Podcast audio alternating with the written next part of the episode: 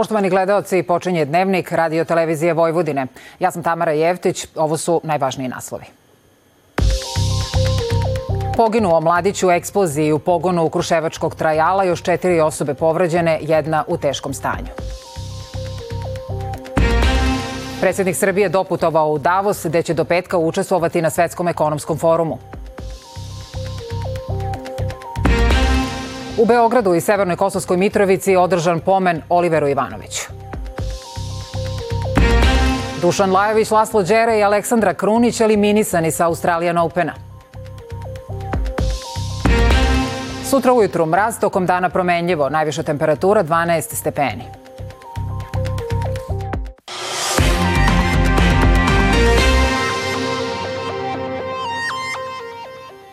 U eksploziji koja se oko 9 sati dogodila u fabrici Trajal u Kruševcu stradao je mladić star 19 godina, a povređena su trojica muškaraca i jedna devojka. Kako prenosi RTV Kruševac, povređeni su prevezeni u opštu bolnicu u Kruševcu. Direktorka opšte bolnice u Kruševcu Vesna Stević-Gajić izjavila je da su primljena četiri pacijenta i da je jedna osoba životno ugrožena, dok su tri u stabilnom stanju. Jedna osoba je teže povređena, urađena je kompletna diagnostika i sad se razmatra da li tok lečenja, odnosno konzilno će se odlučiti da li će osoba biti upućena u tercijarni nivo na dalje lečenje. Požar koji je izbio usled eksplozije je lokalizovan. Za sada nisu poznati uzroci koji su doveli do nesreće. Na lice mesta izašlo je više ekipa Kruševačke policije, hitne medicinske pomoći i sektora za vanredne situacije. Ministar odbrane Miloš Vučević uputio izraze saučešće porodici stradalog radnika i rekao da se jutros dogodila tragedija koja je odnela jedan mlad život. Istraga će utvrditi šta je dovelo do ove tragedije, do ovog akcidenta i do gubitka ljudskog života i svakako sve nas dodatno upozoriti da ti poslovi su skopčani sa velikim rizicima. MUP radi na utvrđivanju uzroka tragedije, izjavio je ministar Bratislav Gašić koji je obišao mesto nesreće u Kruševcu i izrazio duboko saučešće zbog pogibije mladog radnika Trajala. Svi radnici Trajal korporacije izražavaju duboku žalost i tugu povodom ovog tragičnog događaja, navodi se u saopštenju kabineta generalnog direktora Trajala. Dodaje se da je pogon za proizvodnju gorive trake radio uz primjenu svih bezbednostnih mera i pod nadzorom kamera, a da će stručne službe istražiti detalje ovog tragičnog događaja. U Davosu je zvanično počeo 54. svetski ekonomski forum. Među brojnim liderima učestvuje i predsednik Srbije Aleksandar Vučić. Po dolasku u Davos poručio je da Srbija sa mnogo entuzijazma kreće u realizaciju velikih planova i da će o tome razgovarati sa brojnim liderima, investitorima i poslovnim ljudima. Poverenje. Ključna je reč ovogodišnjeg svetskog ekonomskog foruma u Davosu. Osnivač Klaus Schwab poručio je na zvaničnom otvaranju samita da moramo ponovo da izgradimo poverenje u našu budućnost i sposobnost da prevaziđemo izazove. Svet je, kaže, sve više međusobno povezan, a istovremeno i podeljen više nego ikad. Tehnološke inovacije nude bezgranične mogućnosti, ali i rizike bez presedana koji dovode do neizvesnosti, straha i pesimizma, teraju nas na kratkoročna upravljanja krizom na uštrb dugoročnih strateških i održivih rešenja, a takav pristup podriva i našu veru u budućnost. Zbog toga nam je neophodna promena paradigme i ponovna izgradnja poverenja u budućnost i svesti da naša današnja dela imaju dalekosežne posledice u svetu sutrašnjice. Današnje vreme nije vreme za sukobe ili polarizaciju, već za izgradnju poverenja i pokretanje globalne saradnje, poručila je predsednica Evropske komisije Ursula von der Leyen, dodajući im da to zahteva trenutne i strukturalne odgovore, u čemu, prema njenim rečima, Evropa može i mora da preuzme vođstvo. Mnoga rešenja ne leže samo u zemljama koje rade zajedno, već u tome da preduzeća i vlade, preduzeća i demokratije rade zajedno. Nikada nije bilo važnije da javni i privatni sektor stvore novo vezivno tkivo, jer nijedan od ovih izazova ne poštuje granice. Svaki od njih zahteva saradnju kako bi se upravljalo rizicima i iskovao put napred. Kineski premijer izneo je pet predloga Pekinga za jačanje globalne ekonomske saradnje koji su usmereni na jačanja koordinacije makroekonomske politike, međunarodne industrijske specijalizacije i saradnje, potom razmene i saradnje u nauci i tehnologiji kao i na ekološkim pitanjima i na kraju proširenje saradnje između globalnog severa i juga. Mi širom otvorenih ruku prihvatamo investicije svih zemalja i izbor kineskog tržišta nije rizik, već prilika. Bez obzira na sve globalne izazove, kineska privreda je stabilna. Ovogodišnji 54. svetski ekonomski forum okupio je preko 3000 učesnika, među kojima je više od stotinu lidera i predstavnika država. U Davos je stigao i predsednik Srbije Aleksandar Vučić, koji će učestvovati na sesijama diplomatski dijalog na temu Zapadnog Balkana, vraćanje vere u globalni sistem i izgradnja Evrope budućnosti, kao i u diskusiji na temu novo evroazijsko svitanje. Predsednik će imati niz bilateralnih susreta sa svetskim i evropskim zvaničnicima, brojnim predstavnicima među međunarodnih organizacija, finansijskih institucija i vodećih globalnih kompanija. Između ostalog sastaće se i sa specijalnim predstavnikom Unije za dijalog Beograda i Prištine Miroslavom Lajčakom, kao i sa predsednicom Evropske komisije Ursulom von der Leyen. Predsednik Vučić učestvovaće 21. i 22. januara u Severnoj Makedoniji na samitu inicijative Otvoreni Balkan, susretu Zapadni Balkan i Evropska unija i sastanku lidera o planu rasta za Zapadni Balkan, kojem će prisustovati i generalni direktor direktorata Evropske komisije za susedstvo i pregovore o proširenju Gert Jan Kopman, pomoćnik američkog državnog sekretara James O'Brien i predstavnici Saveta za regionalnu saradnju CEFTE i investicionog foruma Komora Zapadnog Balkana, USAID-a i međunarodnih finansija finansijskih institucija. Obeleženo je šest godina od ubistva lidera građanske inicijative Srbija, demokratija, pravda Olivera Ivanovića. Pomenu u hramu Svetog Save u Beogradu prisustovali su Ivanovićeva udovica i sin, premijerka Ana Brnabić i ministar odbrane Miloš Vučević. Na mestu ubistva Ivanovića u Kosovskoj Mitrovici zapaljene su sveće i minutom ćutanja odata je pošta. Nakon pomena, paljenjem sveća u Svetosavskom hramu odata je počast Oliveru Ivanoviću. Njegova udovica Milena Popović istakla je da ni nakon šest godina od ubistva počinioci nisu pronađeni. Prosto je neshvatljivo da mi ni posle šest godina ne možemo da, da dođemo do imena nalogodavaca. Ja tu najviše u principu verujem države Srbije, ali oni su na neki način limitirani zato što nemaju saradnju od albanske strane. Eto imamo istrogu koja je u toku, koja traje šest godina, bojim se da će trajati još ne znam koliko godina, ali kao što sam rekla, svi oni treba da znaju da istina ne može da se sakrije i da sam ja apsolutno sigurna u to da ćemo mi jednog dana otkriti ko je Olivera ubio. Nakon pomena u Kosovskoj Mitrovici, nekadašnja podpredsednica građanske građanske inicijative Srbija demokratija pravda Ksenija Božović istakla je da suđenje za ubistvo Olivera Ivanovića traje više od četiri godine i da advokati najavljuju kraj na proleće ali mi još uvek ne znamo ni ko je naručio ubistvo Olivera Ivanovića, a ubica je još uvek na slobodi.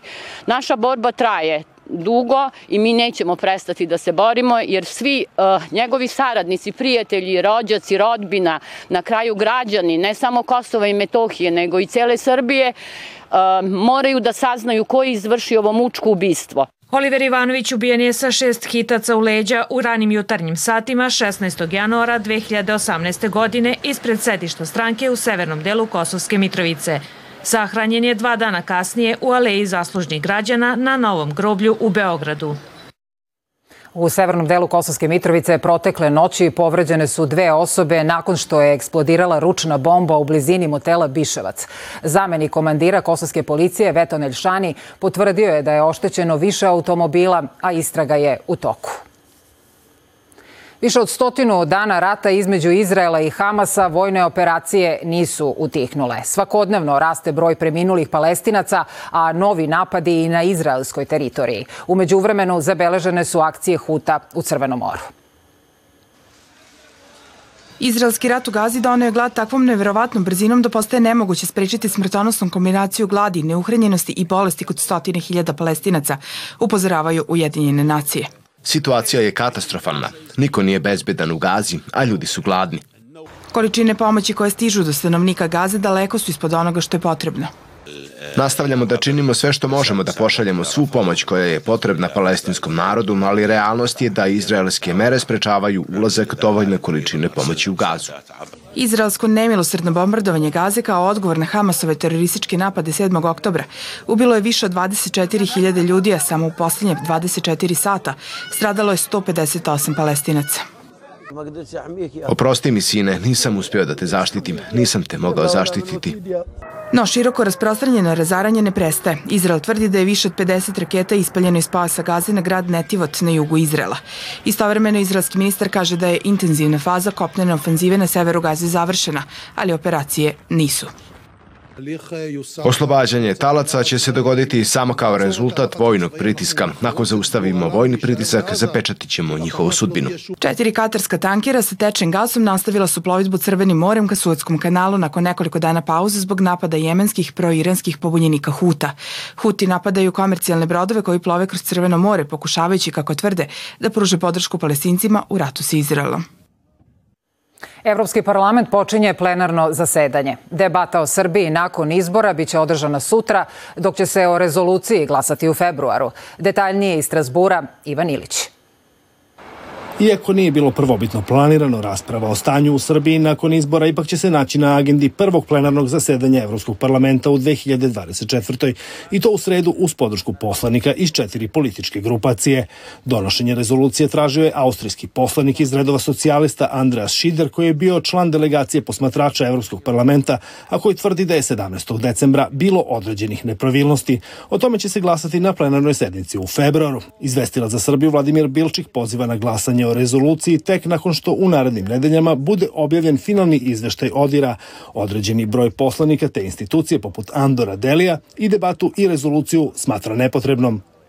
Evropski parlament već e, izgleda stiče tradiciju da e, ruši poverenje između građana Srbije i evropskih institucija, naročito ove kuće Evropskog parlamenta. Takođe vidimo da je na delu takozvani mađarski scenario koji Evropski parlament, odnosno opozicija e, u Mađarskoj već e, od 2010. od kada je Fides na vlasti, primenjuje ovde u Evropskom parlamentu. A to je da preko Evropskog parlamenta se vrši pritisak na domaću vladu. Vidimo da se taj recept sad e, primenjuje i prema Srbiji i S druge strane, svi dobro znamo da vlast se osvaja na izborima, a ne preko međunarodnih institucija. Koliko su produktivne ili kontraproduktivne ove debate? Ovakve debate koji Evropski parlament, odnosno jedan deo Evropskog parlamenta uh, izdejstvuje uh, iz vremena na vreme po koje kakvim temama, mislim da ne služe toj svrsi, ne služe toj svrsi gradnje poverenja i na neki način vraćanja kredibiliteta građana Zapadnog Balkana i građana Srbije da će njihova zemlja jednog dana biti deo ove porodice. Rasprava o ovoj temi je peta tačka na sutrašnjoj agendi i trebalo bi da počne iza 18 časova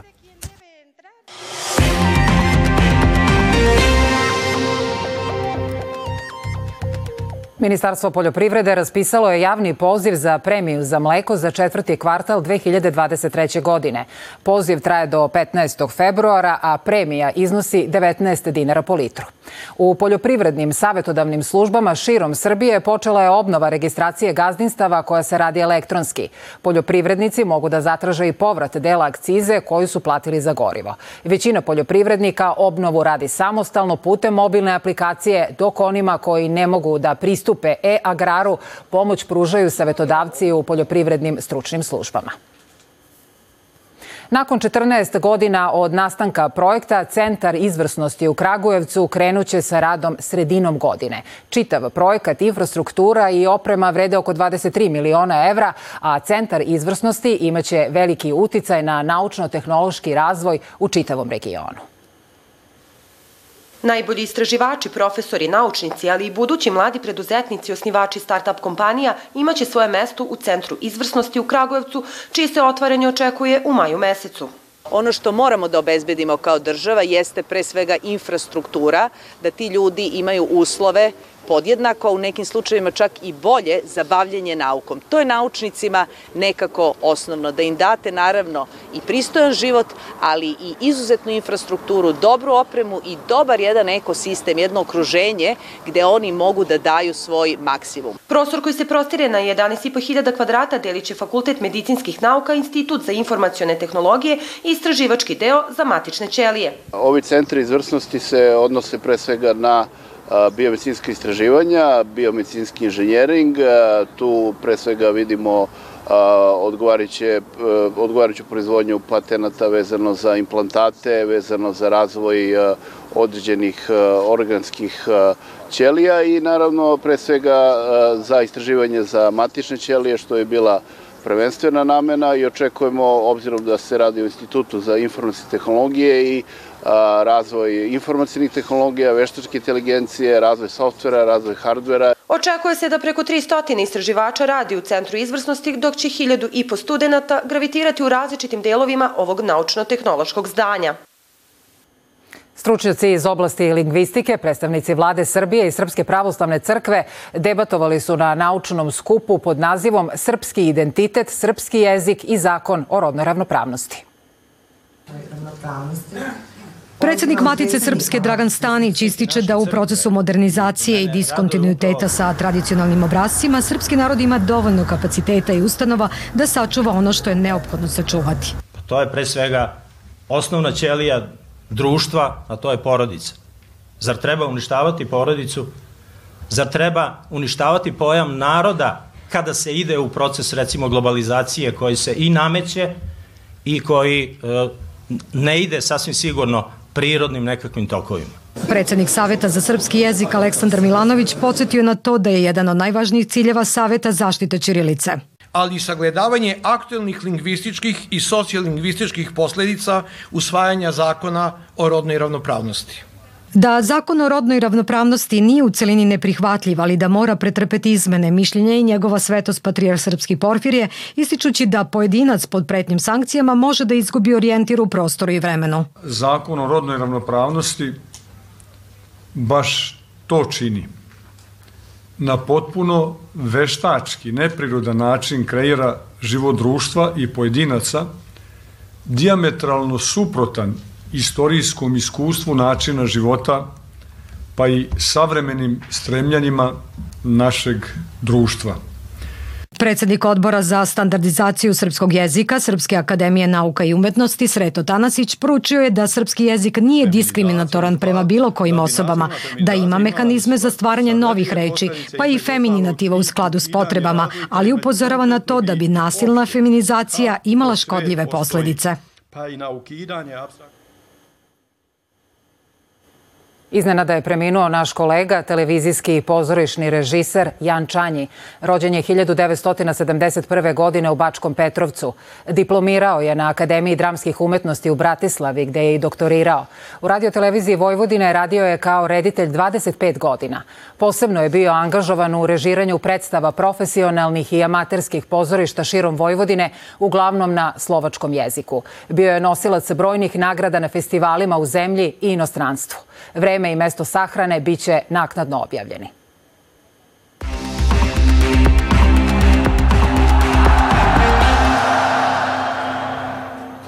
Bojana je treći dan Australijan Opena loš za naše tenisere. Tako je, ali najviše očekujemo Novaka Đokovića. Svo troje naših tenisera koji su danas igrali svoje mečeve prvog kola na Australijan Openu eliminisani su iz daljeg takmičenja. Poraze su pretrpeli Dušan Lajović, Laslo Đere i Aleksandra Krunić.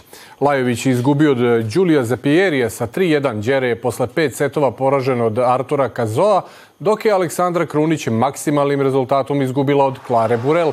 Novak Đoković će sutra od 11 sati po našem vremenu igrati meč drugog kola protiv Alekseja Popirina. Vaterpolisti Srbije osvojili su sedmo mesto na Evropskom prvenstvu u Zagrebu. Danas su u utakmici za plasman bili bolji od Rumunije sa 18-7. Danas se i završava Evropsko prvenstvo, a u finalu će igrati Hrvatska, koja brani titulu, i Španija. Pobednik će izboriti plasman na olimpijske igre u Parizu. Rukometaši Srbije večeras igraju sa Crnom Gorom odlučujući meč za plasman u drugu fazu Evropskog prvenstva koje se održava u Nemačkoj. Ta utakmica će se odigrati od 18 sati. Ipak ni pobeda ne garantuje Srbiji da će se plasirati dalje, pošto je pored toga potrebno i da u našoj grupi Mađarska savlada Island. Srbija je upravo sa Islandom osvojila jedini bod, dok je poražena od Mađarske pre dva dana. Šampionke Srbije odbojkašice jedinstva večeras će odigrati poslednji meč u grupi u Ligi šampiona. One će od 19 sati gostovati francuskom Miluzu. To će biti i direktan duel u borbi za treće mesto u grupi koje donosi nastavak takmičenja u kupu Evropske odbojkaške konfederacije. Upravo u tom takmičenju od 19 sati i 30 minuta u play-offu odbojkašice Crvene zvezde večeras takođe igraju u Francuskoj protiv ekipe Bezije. U prvom susretu u Beogradu Zvezda je slavila sa 3-2 želimo sreću našim klubovima. Naravno, hvala Bojane na svim ovim informacijama. Narednih dana povratak prolećne temperature, zatim ponovo zahlađenje i sneg.